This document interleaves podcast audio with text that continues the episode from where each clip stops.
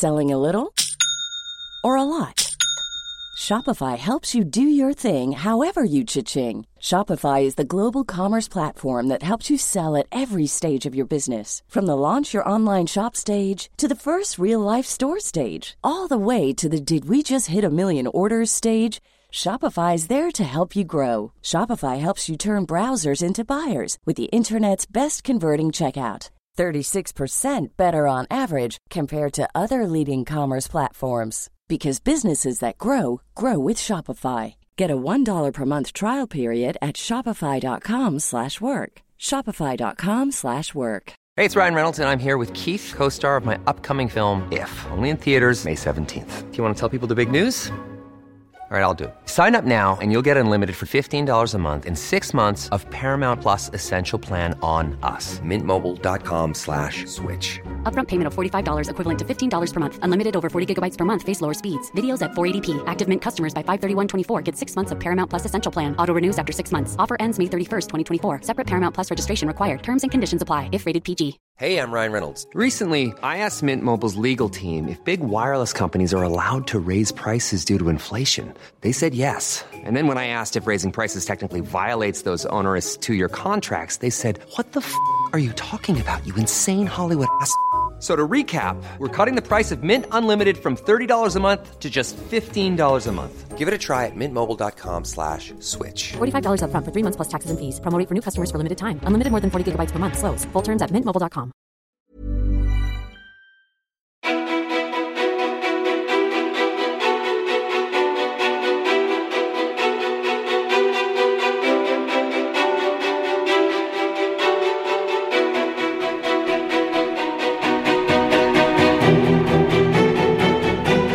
Molly Minot slog igenom i Idol 2014 som Molly Lindén och gjorde succé och blev tvåa.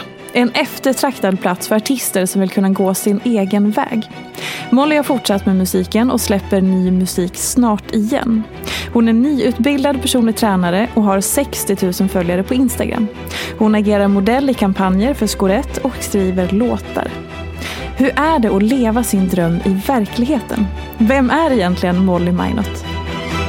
Varmt välkommen till podcasten Ofiltrerat med mig, Sofia Peterfia Ståhl.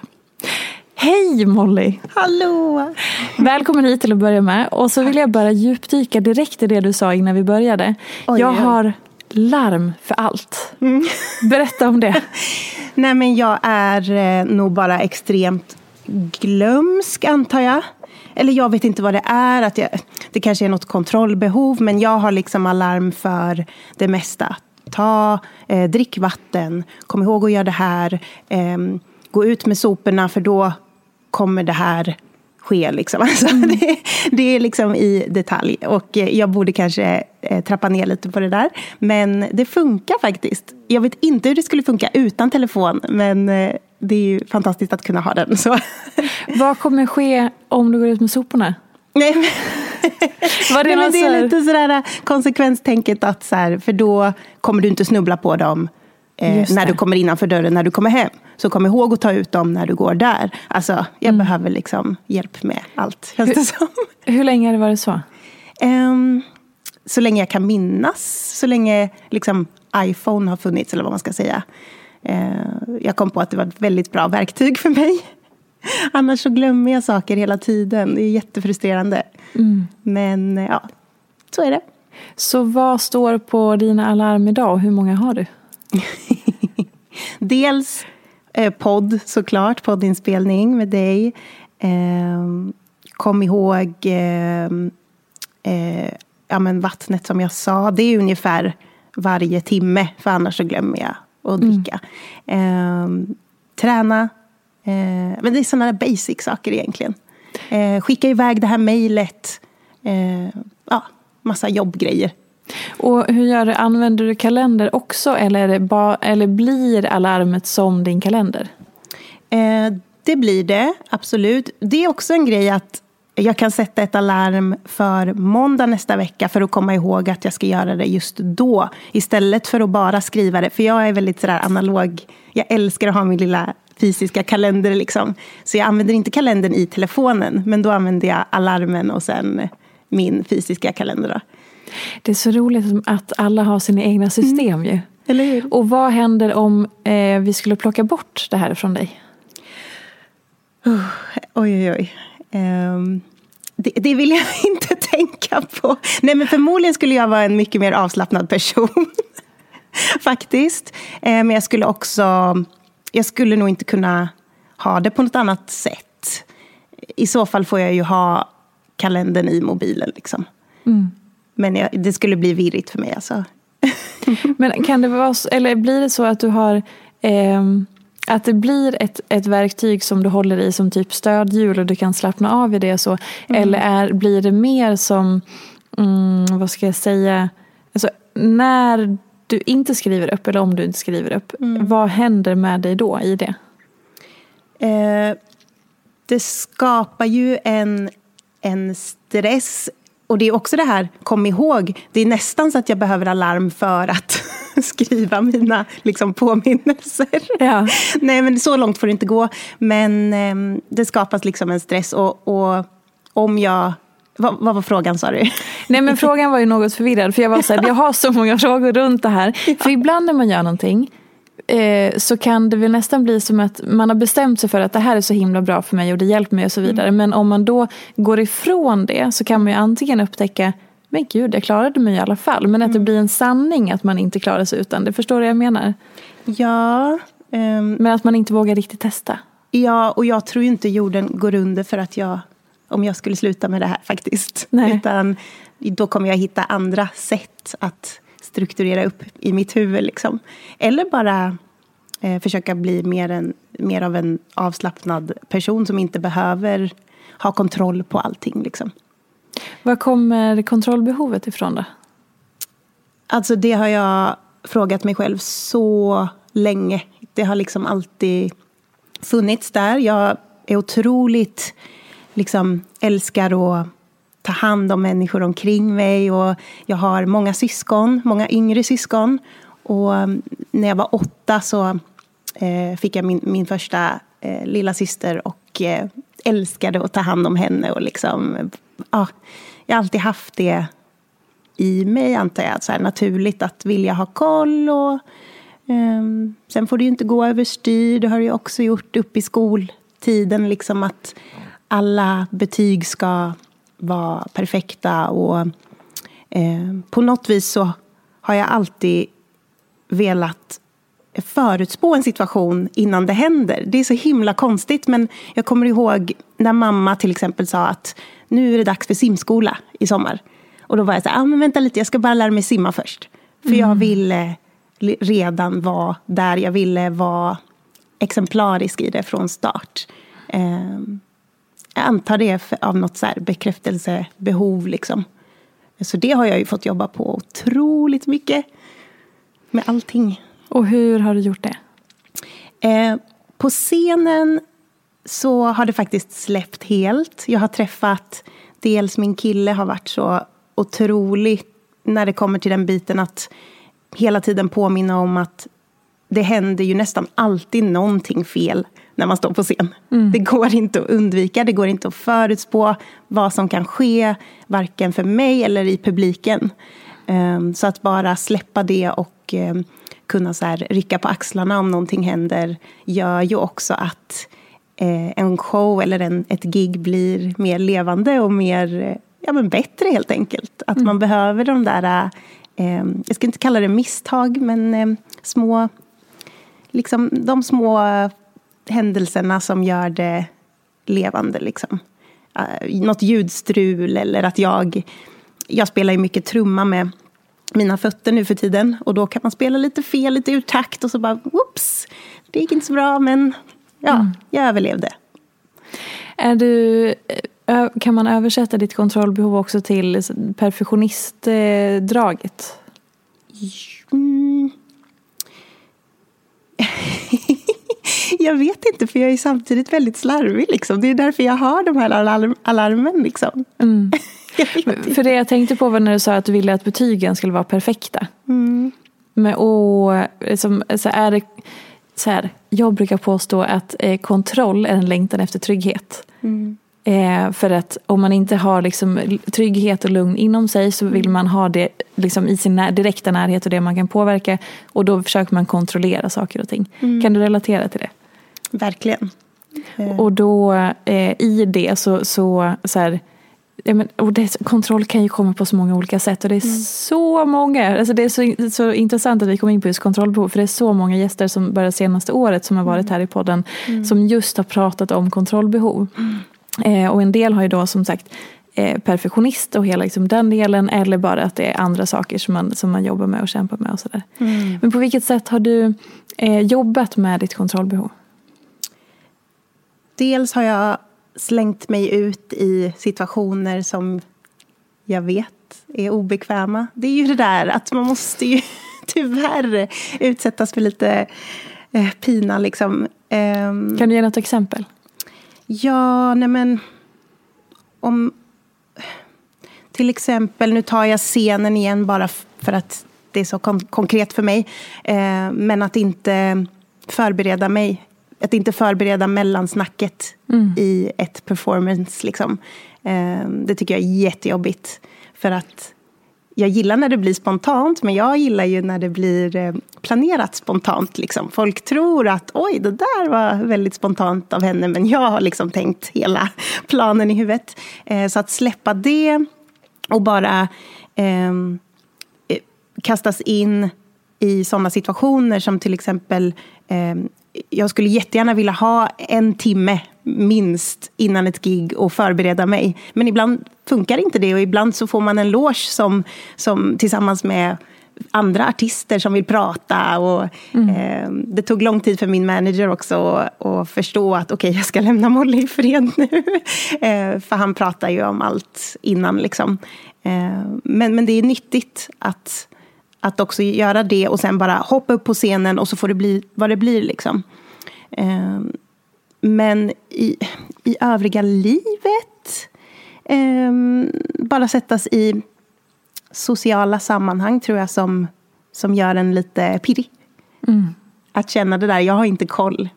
Jag eh, eh inspireras liksom av att känna den här eh, att jag inte är bäst i rummet jag är i, liksom, utan att jag ser upp till någon annan och jag lär mig av det. Liksom. Det är en väldigt fin take. Mm. Det känns ju väldigt sunt att ha den eh, approachen till saker och ting. Mm. När, när befinner du dig i de rummen? Um, det var faktiskt ganska länge sedan jag gjorde det nu. Och det var, det var därför jag valde att plugga till PT också för att det var någonting som jag inte hade koll på. Eh, och det har varit otroligt kul att få vara eleven och bara luta mig tillbaka och inte kunna någonting. eh, men innan det så tror jag jag suktade lite efter den känslan. Och det har ju också med pandemin att göra såklart, men jag bara längtar efter att komma ut och få spela med människor som är eh, kanske lite längre fram än vad jag är nu. Liksom. Eh, så i sådana såna tillfällen längtar jag efter. Mm. Så om du ser framåt i tiden, säg två år, vad tror du att du befinner dig någonstans i relation till ditt kontrollbehov då, eftersom vi fortfarande pratar mm. om den delen? Jag hoppas att, för jag märker ju att det går bättre och bättre ju äldre jag blir också, att jag blir tryggare i mig själv. Och, um, jag tror verkligen jag har kommit en så bra bit på vägen. När jag fyllde 25, jag bara, nu ska jag bli den bästa versionen av mig själv återigen. bäst, mm. bäst, bäst. Men just att jag var skyldig mig själv det att nu ska jag må bra liksom. Um, och då började den resan att, att eh, inte ta livet på så stort allvar helt enkelt. Bara njuta och eh, låta mig själv vara eh, ja, men, återigen, vara eleven. Bara ta in, suga, suga åt mig liksom, vad alla andra kan ge mig. Eh, eller vad man ska säga, låter det konstigt? Nej, nej, nej, det är så uh, bra. Uh. Och, och ehm, eh, det, nu, när du fyller 25, det är ju ett par år sedan. Mm. Hur, vilka stora här, intryck eller insikter har du fått just när det kommer till den personliga resan? Skulle man frågar mina kompisar så tror jag att de skulle säga att jag är mycket mera eh, vad ska man säga, grundad. Mm. Eh, och att jag vågar liksom säga fel i vissa sammanhang. Jag har ju liksom varit egenföretagare sedan gymnasiet och suttit i så många möten där jag inte alls har varit trygg med vad jag sagt och jag har varit så rädd att säga fel och du vet hela den biten. Men nu är jag mer bestämd tror jag. Mm. Det är ett drag som jag aldrig har haft innan. Nu kan jag liksom sätta ner foten, jag kan eh, säga till när jag tycker något är fel eller när det inte känns rätt. Eh, och det är så himla häftigt att ha kommit dit. Mm. Vilken skillnad gör det för dig i, liksom, ja egentligen så. Vilken skillnad gör det för dig? För mig så blir allting så mycket smidigare. Jag tänker också för andra. Innan kunde jag vara den personen som sa ja till allting fast jag egentligen inte tyckte om det. Um, och sen efter ett tag, alltså ge människor den förhoppningen och sen efter ett tag bara bryta ner det och bara, vet du vad, det här var nog inte för mig. Och då blir de jättesura. Mm. Och bara, varför sa du inte bara det från första början? Så nu är jag mycket mer, ja men det, det är så mycket mer effektivt mm. och bara veta direkt att du, det här kommer inte funka. Eller eh, jag, eh, jag kan säga nu att jag, jag kommer inte kunna stå för den här låten i, i längden så vi, vi jobbar på något annat. Eller, ja. Det är jätteskönt. Mm. Spara massa tid. Hur upplevde du att det var att kliva av scenen som, som nybakad artist? Hela idolresan var gjord. Du mm. skulle ut i hela musikvärlden.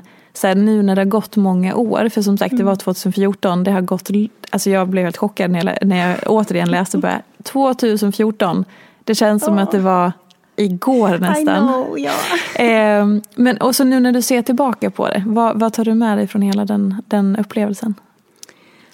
Oh. Alltså det, det är så, jag håller med dig, det känns som att, för mig, som att det var en dröm. Och eh, en väldigt sjuk liksom, upplevelse att vara med om som, jag tror jag var 17 när jag sökte in.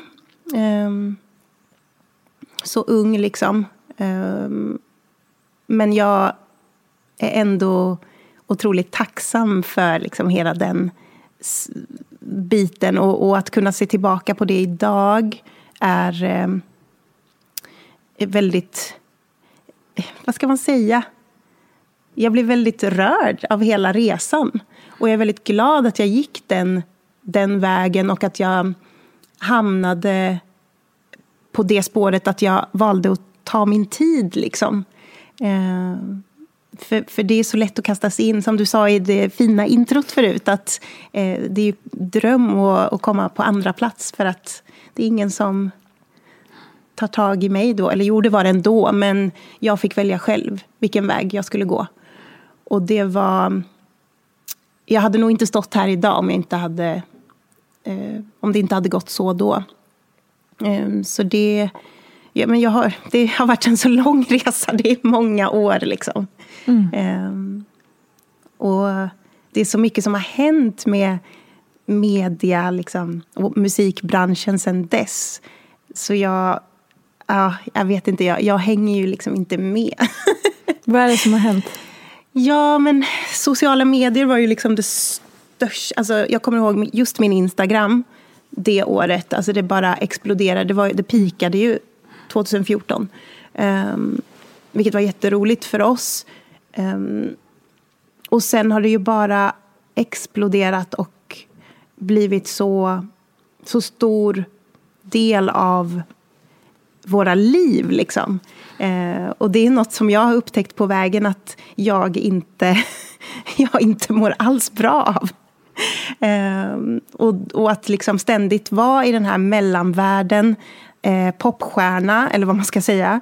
Eh, och komma från landet och vilja göra musik från hjärtat, spela med ett band. att processen ska ta lång tid. Samtidigt som idag matas det ut hur många låtar på Spotify varje dag. Det är helt mm. ah, galet. Um, så jag slits ju hela tiden mellan det där.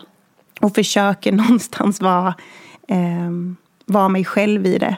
Och det är jättesvårt. Det har blivit den svåra biten i, i artisteriet. Att, att vara um, den offentliga personen på sociala medier. Och det tycker jag har varit lite tråkigt. Liksom, att det är ju musiken jag vill fokusera på. Liksom. Mm. Inte den, det stora hela som är jätteviktigt idag. Så det har ju ändrats väldigt mycket sedan 2014. På vilket sätt eh, märker du att du mår dåligt av eh, hela den världen? Eh, jag... Ja, men det är ju... Vi, vi återgår till det här med kontrollbehov. För det, det, är absolut ingenting som jag kan kontrollera om människor gillar min musik eller inte. Utan det bara det blir. Mm. Och det hade jag jättesvårt att förstå under åren efter 2014 där, där jag skulle helt plötsligt hitta min grej. Och folk förväntade sig att jag skulle hitta min grej också. Som press liksom. Um, och då kunde jag göra en låt, spela den för en person som älskade den. Och spela den för, jag vet inte, min mamma som säger nej, det här var inte min stil. Nej, men då blir det inget. Så då släppte jag inte den. Uh, och det, var, det är så mycket låtar som, har gått, som jag gått miste om på grund av det. Liksom. Eh, men jag tror att jag bara varit rädd för att eh, det kommer finnas någon som säger att det inte är bra enligt den personen. Och då har det stoppat mig. Men idag så har jag väl landat i att jag försöker föreställa mig det scenariot hela tiden. För nu jobbar jag ju på mitt debutalbum. Och försöker tänka, vad är det värsta som kan hända? Jo, det är att ingen gillar det. Men det kommer inte hända. Nej. Någon kommer tycka om det och, och speciellt ja, jag kommer tycka om det. Mm. Eh, men det har varit, eh, det, det kämpar jag med sådär jätteofta idag också. Att hela tiden påminna mig om det. Jag tror att det är så många som kan känna igen sig i det där oavsett om det är musik eller andra saker i livet. Just när det är att så här, okay, men hur, min egen röst i det hela. Oavsett vilket beslut det är eller vad man än gör. Mm. Som man själv lägger ner sin själ i. Om det är ens arbete eller hobby eller inredning hemma eller kläder man har på sig eller vad det är. Mm. Så behöver man vänta, vad, vad är tyngst? Det jag tycker om utifrån mig och mina referensramar eller det alla andra kommer med sina åsikter. Mm. Jag, jag, tror och upplever att det är väldigt, väldigt vanligt att man vacklar just som du säger inför sig själv och säger mm. okej okay, men då är det viktigare vad mamma tycker eller vad min kompis tycker eller vad världen tycker mm. än jag själv. Ja. Och också sådär vad man förväntas tycka och eh, att man förväntas vilja satsa så högt det bara går. Mm. För förr när folk frågade mig hur långt vill du gå, då sa jag såklart att jag ska bli större än Beyoncé och att jag ska vara den första svensken på eh, Super Bowl. Mm. Eh, och jag vet inte vart det kom ifrån. Nej. Och idag när folk frågar så är jag så här, men jag vill bara, jag vill bara hitta någon balans. Jag vill kunna, jag älskar att stå på scen. Sen vad det blir för scen, det spelar inte större roll för mig. Eh, jag vill inte mätas i streams eller likes. Ehm, och, och det, är ju, det är ju jättesvårt. Ehm, jag vet, jag var på någon... Min, min enda föreläsning som jag har gjort eh, för en, om det var högstadieklass kanske. Eh, och de frågade, hur känd är du? Och jag förstod ju såklart inte riktigt vad jag skulle svara. Och då sa de, Nej, men säg bara hur många följare du har på Instagram. Eh, men problemet var att mina följ mitt följarantal kanske inte speglar hur känd jag är. Liksom. Eller hur mycket folk lyssnar på min musik. Mm. Eh, så då, då blev det en diskussion eh, som var jättehärlig med dem. Eh, men jag tycker det där är... Nej, det, det, är jätte, det är baksidan av det, tycker jag. Vad fick du för input i den diskussionen då?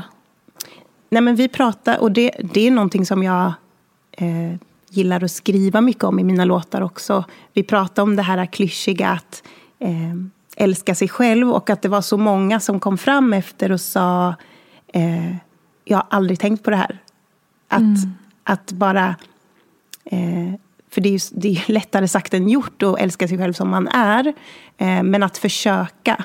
Och att hela tiden kämpa emot de hjärnspökena som alla har. Ehm, och, och vara lite en superhjälte som, ehm, som... Precis som att du skulle eh, stå upp för din bästa vän om någon skulle säga något förtryckande eller vad som helst elakt mot den personen så skulle du inte bara stå där och låta det hända. Utan att nej, nu ska vi, nu ska vi stå upp för oss själva och hela tiden påminna. Just det, jag är bra, jag är bra, jag är bra. Mm. Eh, det är liksom inte det lättaste. Men det var en chock för mig att höra att så många eh, ungdomar inte tänker så. De bara låter det ske. Liksom. Mm. Och just det där som du sa, eh, att ens antal följare på ett socialt medie inte, representerar, inte representerar, i det här fallet inte representerar eh, hur mycket som lyssnas på din musik till exempel. Men mm. också, mm. det representerar ju inte den man är eller ens värde mm. eller hur duktig man är eller hur vettig människa man är eller Nej. någonting. Och det är ju också, det säger sig självt på ett sätt. Men det kan ju också vara lätt att man inte har det med sig i vardagen när mm. allting kretsar kring eh, sociala medier eller som du säger likes och alla de där sakerna. Eller mm. mäta sina prestationer oavsett mm. eh, vilka prestationer man genomför och sådär. Ja. Mm. Men och, det där var intressant, eh, hela Beyoncé Super Bowl-drömmen mm. och så. När, kommer du ihåg när du planterade den tanken första gången eller när du uttalade det och sen när du upptäckte att men gud, det här kommer ju inte ens från mig? Ja, ja men jag tror att jag kan ha tänkt det Eh, första gången jag såg på Super Bowl, jag bara, det där ska jag göra, jag ska vara den första. Eh, när nu det var, jag kommer inte ihåg. Eh, och sen när jag förstod att det inte riktigt eh, var sant, alltså det kan ha varit, det här är bara en gissning, mm. det är lite roligt, ehm, innan, det måste varit 2018 kanske, så såg jag eh, Björn Skifs i Linköping. Mm. Eh, och han var väl, jag vet inte hur gammal han är nu, han är väl uppåt 80 liksom. Ja, ja 85. Jag vet inte. Ja, någonting sånt. Eh, och jag bara tittade på honom och bara han, han bara, han bara liksom lyste upp hela scenen och han sjöng som en gud. Och jag satt där och bara, det där vill jag ju göra. Och då började jag liksom pussla ihop det. Han kan ju inte ha haft ett Beyoncé-liv direkt. Mm. jag vet inte. Eller så är han jätte, jag vet inte, vältränad eller någonting för att orka med det där. Men jag bara kände att jag ville, jag ville göra det. Jag vill, jag vill stå på scen när jag är 80 och göra samma sak. Um, och, och inte leva ett liv som bara sliter ner min kropp och min, mitt sinne. Liksom som jag tyvärr tror att Beyoncé lever. Och då så ändrade jag mig. Och vad gjorde den insikten med dig? Det var väldigt det var väldigt läskigt att börja säga det till folk. För att folk blir lite så här, jaha, du vill bli Björn Skifs, inte Beyoncé. Yeah. Um, jag tror det låter lite konstigt bara att okej, okay, du siktar inte mot uh, stjärnorna. Fast det gör jag ju ändå. Men... Ja, det gör det ju verkligen. För mm. det där är också någonting som är extremt hållbart och han är en av våra mest framgångsrika ja. artister. Ja. Men också, varför måste man alltid sikta mot stjärnorna? Mm. Alltså, så här, det, det, finns ju inget rätt och fel i, i måste alla ha en karriär? Måste alla bli superstars? Måste mm. alla göra något extraordinärt? Eller liksom, mm. Varför då? Eller måste man det? Eller hallå, vad, vad händer? Ja. Alltså, det är som att har blivit en psykos där allting handlar om att alla ska bli framgångsrika hela mm. tiden oavsett vad. Mm. Och som du säger, det finns nästan inte utrymme för, för annat. För, för livet Nej. är ju inte bara baserat på eventuell framgång eller inte. Och vad är ens framgång? Exakt. Vad är framgång för dig? Mm. Ja, precis. Det är ju en jättesvår fråga. framgång, det går framåt, det, man eh, utvecklas. Jag försöker tänka högt här Ja, nu. ja. Att utvecklas eh, liksom själsligt och ehm, att må... För mig är det nog att må, inte nödvändigtvis bättre, men att må lika bra idag som jag mådde, igår. Eller bättre. eh, och det... Ja, det vill jag inte mäta i liksom status eller pengar eller sådär.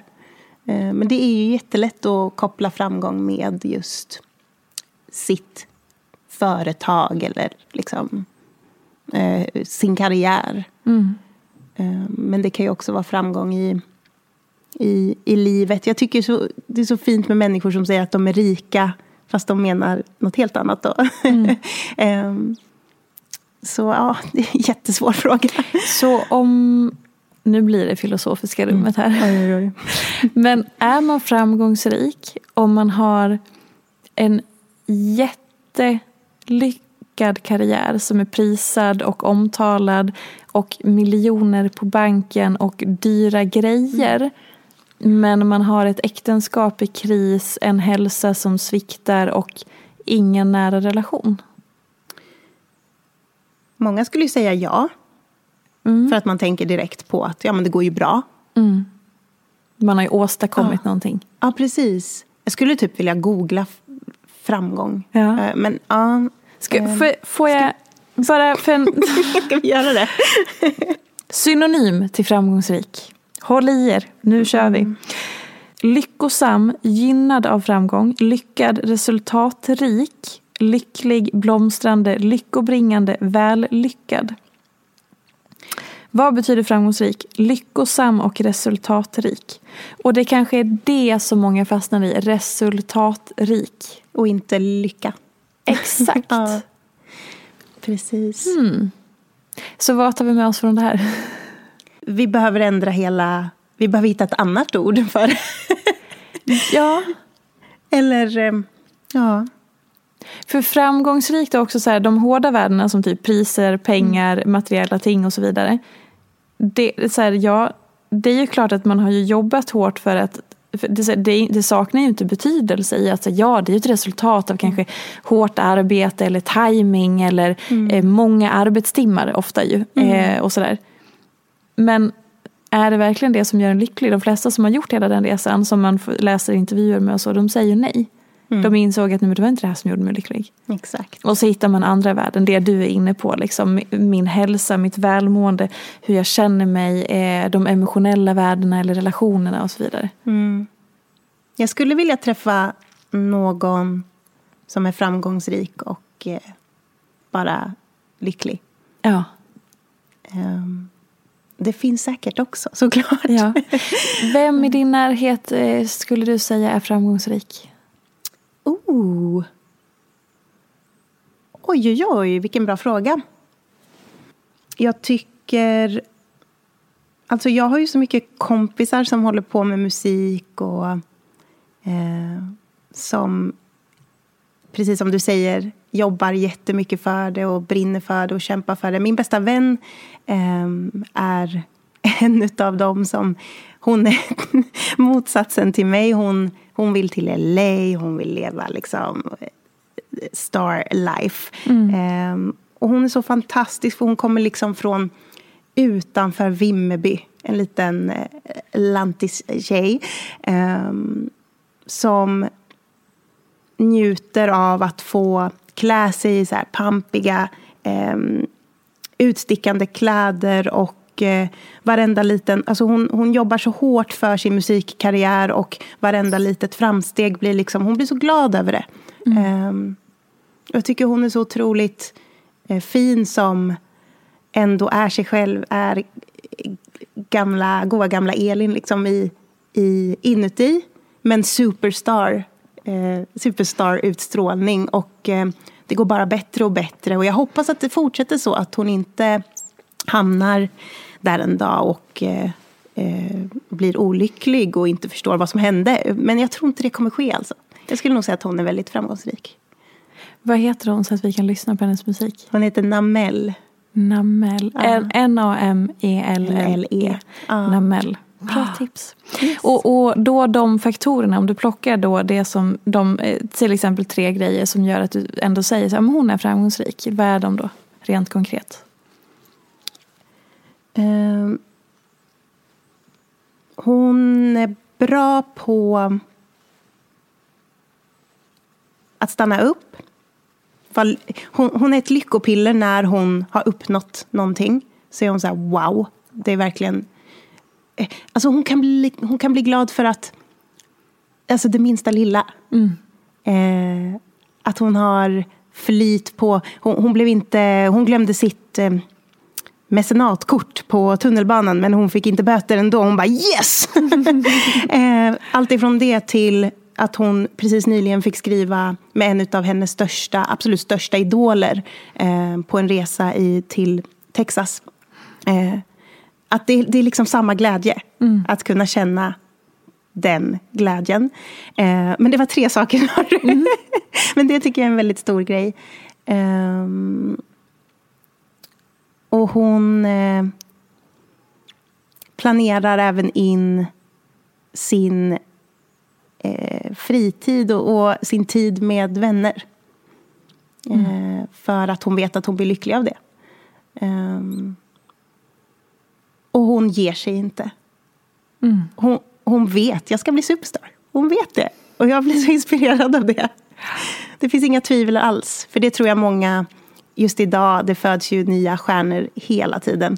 Eh, men man behöver ju så här 90% driv och 10% talang idag. Eh, nu har hon ju väldigt mycket talang också. Eh, men hon har otroligt mycket driv. Och eh, hon bara kör på. Om du skulle beskriva dig själv då, på samma sätt? Ja. jag, eh, ja, det är så roligt för att eh, i jämförelse med henne så kan jag verka superlat. Men det är jag inte. Jag är också väldigt driven. Och, eh, men jag går nog mer på... Jag är jättekänslomänniska. Eh, och det är jag när jag eh, skriver musik också. Jag skriver när jag blir inspirerad. Eh, så det är därför det tar så lång tid för mig. Jag tycker inte om att skriva som ett jobb eller på beställning.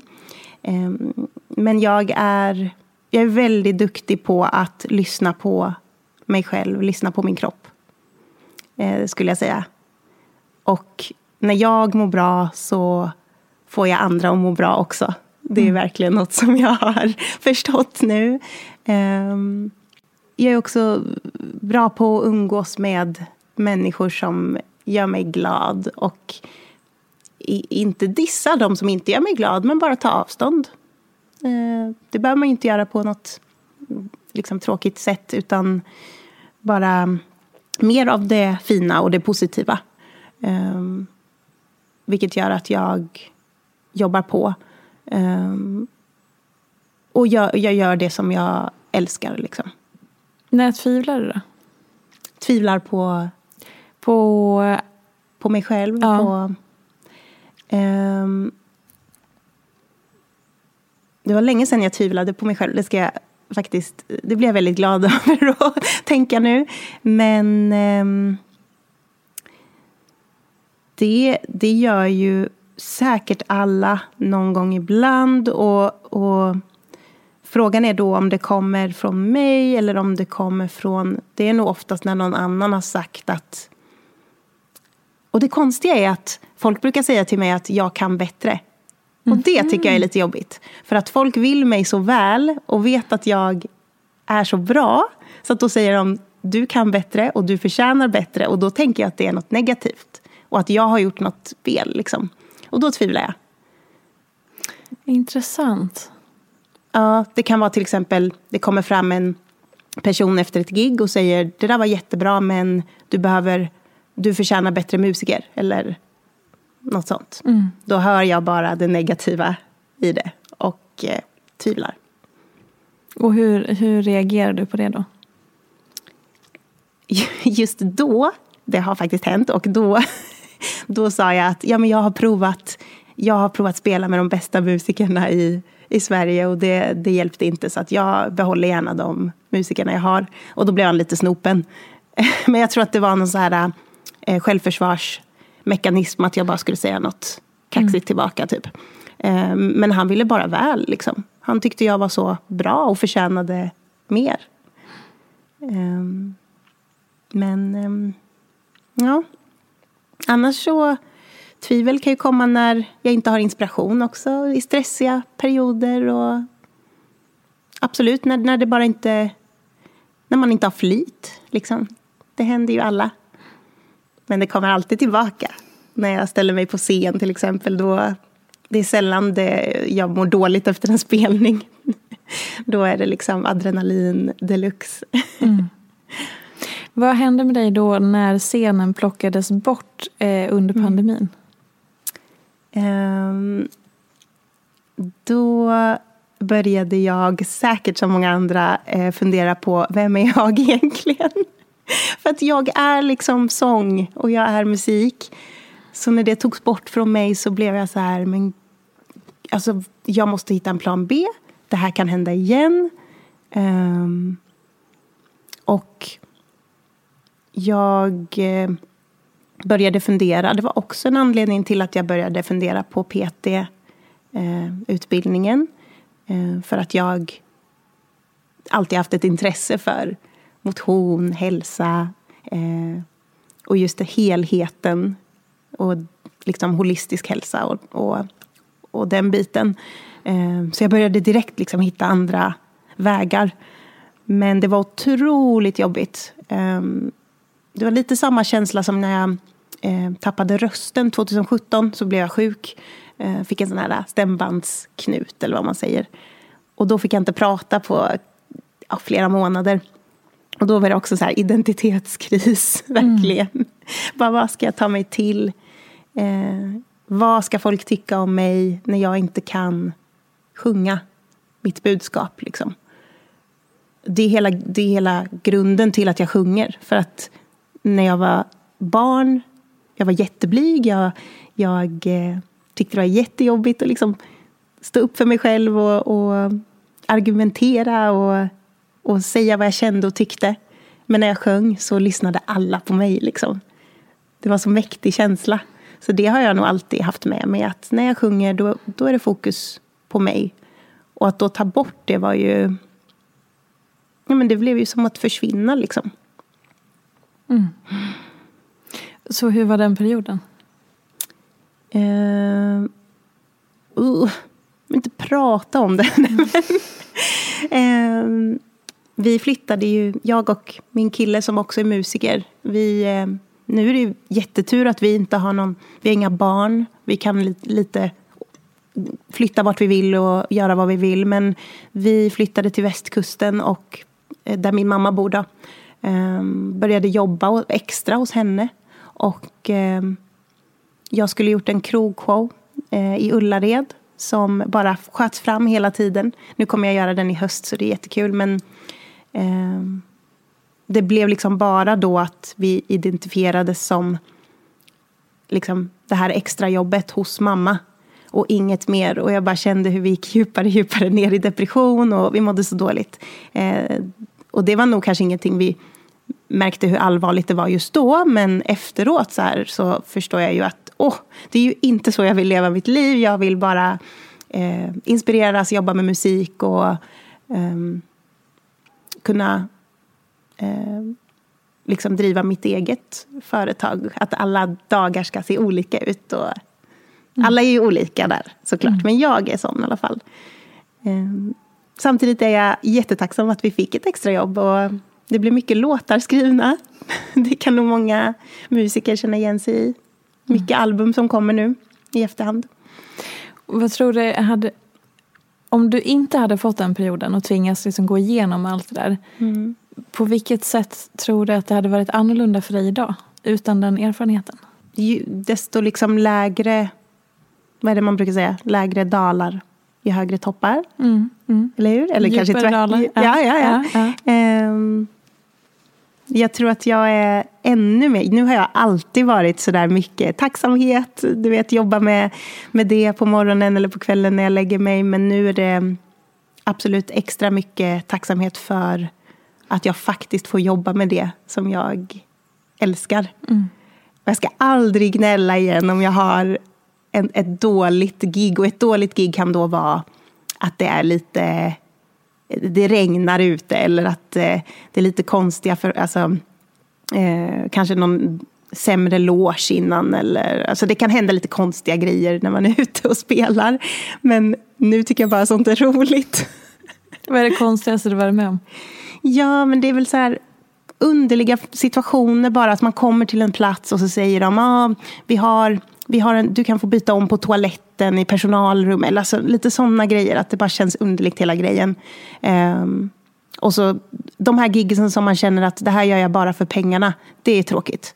Men idag tycker jag alla gigs är, bara, jag bara njuter av att få vara på scen. Mm. Så eh, det, det tror jag många känner igen sig i som håller på med, med musik. Att få träffa, alltså hur mycket en publik betyder. Istället för de här livestreamsen och allt vad det var under den perioden. Usch. Um, nej, så det, det ska jag tänka på varenda gång jag blir lite divig, om jag nu kan bli det. Men det ekonomiska som artist då? Man hör ju mm. lite olika där. Hur, hur är din mm. relation till just att här, driva eget till, som du sa, vissa gig är liksom, det är bröd och smörföda om man säger och bara mm. tackar ja för pengarna och sådär. Mm. Hur är hela din relation till eh, att försörja sig på musik också? Eh, alltså, min mamma är ju livrädd. Hon eh, frågar hela tiden, hur klarar du dig verkligen nu? Liksom? Eh, och jag har alltid haft så här jag har stenkoll och, och jag är inte så, jag är inte sån lyxtjej heller liksom, utan jag, eh, men jag är väldigt ekonomisk och bara, eh, bara jag har koll på, på det som kommer in och det som jag spenderar så, så är det lugnt. Men det är klart att det alltid är en liten, liten underliggande stress. För att det kan gå jättebra under en period och sen så kan det bara helt dö. Ehm, men det är också någonting som jag förstår nu efter den perioden när jag hade ett extrajobb, jag fick en fast inkomst. Jag har aldrig haft det innan, för jag började ju så tidigt med musiken. Ehm, men jag kände att nej, jag, jag, skulle inte byta det mot det här, utan det är lite spännande också och att man faktiskt får kämpa och jobba för sina pengar. Och, och nej, jag ser inte så jätteallvarligt på det. Det löser sig alltid och um, det, jag har väldigt mycket folk runt om mig. Jag umgås med så mycket musiker och, um, på, på, olika liksom, stadier, eller vad man ska säga. Um, producenter eller ljudtekniker. Och, och deras liv fortsätter ju ändå och de har familjer. och Jag vet inte, de tjänar kanske inte det bästa men de jobbar med det de älskar. Mm. Så det, jag ser inga problem i, i det alls. Den perioden du befinner dig i, nu, du sa att vissa, vissa perioder är liksom mer mm. inkomstbringande och andra är lite, lite mindre. Vilken, mm. vilken period befinner du dig i just nu? Nu är jag ju precis efter... Eh, jag tror att jag slutade hos mamma oktober förra året Och sen dess har jag gått tillbaka till, ja men då var det ju plugg och musiken på heltid igen. Um, och just nu är det ju, dels är det ju sommar, det, det är alltid bra. Men jag är ju i en eh, process där jag skriver mycket låtar till albumet. Och då är det, det blir automatiskt inte lika mycket spelningar då. För jag vill ju spela de nya låtarna, men det kan jag inte än. Mm. Eh, så just nu är jag eh, inte i den, i den bra fasen, eller bra, vad ska man säga?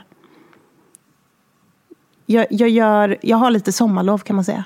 Jag gör det som kommer till mig. Jag, jag vill inte vara bunden till någonting nu utan jag vill bara vara, ha sommar nu och skriva musik. och Det brukar droppa in spelningar ändå så det, det löser sig liksom. Mm. Och hur är din stressnivå i relation till det? Jag är förvånansvärt lugn måste jag säga eh, också så här, det kostar att göra ett album. Mm. Och mina producenter, jag vill så gärna att de ska få det som de vill ha. Eh, men det är så mycket runt omkring, marknadsföring. Eh, och eh, ah, det är jättemycket runt omkring i alla fall. Och det, det, det kommer kosta jättemycket, men jag är lugn i det på något konstigt sätt. För att jag gör någonting som jag verkligen står för nu. Att det blir en annan sak. Jag hade haft panik om det var en låt som jag var så här lite uh, tveksam, men att alla andra säger att jo, men det här kommer bli jättebra. Eh, och så läggs det en massa pengar på det och så blir det pannkaka. Mm. Men nu är det så här, nej, det blir, det blir bra och eh, det, det är ju bara pengar. Det är ju, vad är det liksom? Det är ju ingenting. vad är det? Ja, det är ju, det är ju bara någon, något påhittat liksom, utbyte mellan människor. Alltså jag, jag, vet inte, det är bara... Det är konstigt att jag är så här lugn, men, men det är jag. Om du eh, går tillbaka till det vi har pratat om under avsnittet, vad skulle mm. du säga är det mest ofiltrerade som du har pratat om eller bjudit på? Mm. Som är lite sådär, det här borde vi inte ha pratat om, menar du? Nej, men det som du känner, så här, det här var verkligen ofiltrerat. Här, här var jag liksom... Var, var jag helt var, mig? Exakt. Mm. Um. Oh, vi har pratat om så mycket, gud vad jag babblar på. Det är helt rätt. Uh. Det är meningen. Jag är väldigt bra på att, att vara ärlig. och det tycker min manager inte är så bra i vissa intervjusammanhang. um, vad, har, vad har han eller hon gett dig eh, backning på? Ja, men kanske inte att vara för alldeles för eh, personlig. Liksom. Du måste vara lite mystisk Molly, du kan inte avslöja hela ditt liv. Men jag, jag är nog bara sån som person. Men eh, jag tycker också, det är nog för att jag tycker det är så viktigt att prata om de här sakerna. Just det här med kontrollbehovet eh, är nog det mest ofiltrerade faktiskt. Mm. Och du ska få den sista frågan som eh, mm. alla mina gäster får. Mm. Och det är, vad är inte som det ser ut? Är det väldigt så generellt då? Eller är det om... Fri tolkning. Fri tolkning. Oh. det är så bra frågor. Det är så tråkigt svar, men det är ju, det är ju verkligen Eh, och, återigen sociala medier. Det är ju det mm. första jag tänker på. Det har jag säkert jättemånga svarat också. Jag brukar säga det, jag missade uh. det nu. Jag brukar säga, säg inte Instagram. Nej, nej för det, det är ju självklarhet. Ja. Liksom. Människor är ju inte som vi ser ut egentligen. Att få en... Man kan ha en bild av hur människor är men, men i själva verket så, så kan det vara något helt annat. Liksom det är också häftigt att komma till det stadiet, att känna en människa så väl så att man vet exakt och förstår sig på den personen exakt och vet, även i den här situationen skulle den personen svara det eller göra så. Um, annars, jag vet inte, det är en jättebra fråga. ja, men du har också gett jättemånga bra svar. Ja. och just människor, eh, det, det, är någonting som brukar återkomma och det är ju mm. verkligen så. Det finns många dimensioner, mm. men ändå är det som att vi, vi och kanske omedvetet bara gå på så första bilden eller mm. första intrycket eller så, vill placera mm. varandra i fack och sådär. Ja, jag tror det är jättelätt att döma. Mm. Jag gör det själv hela tiden också, men det måste finnas så många sidor av en mm. människa. Ehm, och att vara offentlig just, det, det är så... Det är verkligen bara en sida av det hela. Um, och det är väl det jag har tyckt att det är lite svårt också. Det är väl det också med kontrollbehovet att jag vill att människor ska se hela mig. Mm. Det är därför jag ger hela mig. Men, eh, eh, men om jag har en dålig dag och träffar någon på stan och så säger de att ja, Molly hon var inte alls lika trevlig som jag hade tänkt. Mm. Då, det är jättelätt hänt liksom. Mm. mm. Nej, men mitt svar är människor. Mm. Mycket bra. Men går det att ge hela sig själv till någon? Ja. ja, säger du. Jag ser jätteglad Men nu utgår jag från mig. Ja. Ehm, det är klart, alla är olika. Man behöver inte ge hela sig själv. Ehm, jag tänker bara på min relation med min kille. Där har jag varit väldigt liksom, bestämd och sagt att nu får du ta hela mig eller inget. Mm. Ehm, och det är något vi pratar om ganska ofta. Jag vill alltid prata om allting och hur, varför jag känner och så här, diskutera. Varför tror du jag känner så här när det här händer? Och, och han är mer så här, eh, orkar bry sig. Eh, men han har väl förstått att nu måste han göra det liksom. Eh, men ehm, jag tycker det, det är härligt att få igenom alla sidor av mig och få dela det. Så att inte jag blir tyngd av mina sämre sidor heller utan att han delar det med mig. Så han möter dig i det. Ja. Och att det får vara okej. För ibland kanske inte jag är så snäll mot mig själv men då är han det liksom. Och det tycker jag är fint. Verkligen. Vad vill du avsluta det här avsnittet med? Att eh, kanske säga att du som lyssnar, var du än är i, i livet, du kanske står mitt i någonting just nu, men bara försök tänka att det spelar inte så stor roll. Ta det inte på för stort allvar liksom. Jag brukar tänka att eh, det, eller jag brukar känna att jag kan pusta ut då. Och så här, oh, okej, reset, rewind, nu börjar vi om. Eh, vart är jag egentligen? Jag är så liten på denna jord. Och eh, vad, vad gör jag det här för egentligen? Tusen tack för att du kom hit och gästade och berätta Tack. om musiken som du släpper snart. Ja, det kommer ett eh, debutalbum då. Eh, våren 2023, så det är långt kvar. Men, eh, Men det var en ny på. låt va? Eller? Kommer det inte en ny Ja, låt nej, snart? men jag, jag håller ju igång så mycket saker. Men eh, det kommer en, en eh, översatt version av Den blomstertid nu kommer. Kommer på midsommar. Som jag har gjort med två eh, av de här kompisarna som, då, som jag pratat om. Som också är artister då. Eh, och det är en, en engelsk text som inte är rakt översatt. Utan den handlar om eh, just den här längtan efter som vi har haft nu efter att få träffas igen och få krama om varandra nära och kära. Och eh, de här små stunderna eh, som blir så stora nu efter när, när vi inser vad vi har tappat under de här åren. Liksom. Eh, och den heter Blooming like a flower. Jätte, jättefin, mysig stämsång. Gud vad härligt. Ja. Och den kommer på Spotify och alla andra ställen. Jajamensan. Underbart. Då lyssnar vi på den då. Ja. Tusen tack för att du ville komma hit och tack till er som har lyssnat. Kom ihåg att lyssna på Filtrerat på söndagar och nästa tisdag kommer det en ny gäst precis som vanligt. Och följ Molly Minnet, nu sa jag fel, Minott på Instagram. Tusen tack hörni, vi ses nästa vecka och på söndag. Puss och kram, tack till dig. Hej då! Följ mig gärna i sociala medier. Jag finns på Instagram som peterfia och bloggar på peterfia.se. Jag blir så glad om du vill recensera den här podden, prenumerera och lämna gärna önskemål på gäster. Vi ses i sociala medier. Ha det gott så länge. Hej då! En podd från Allermedia.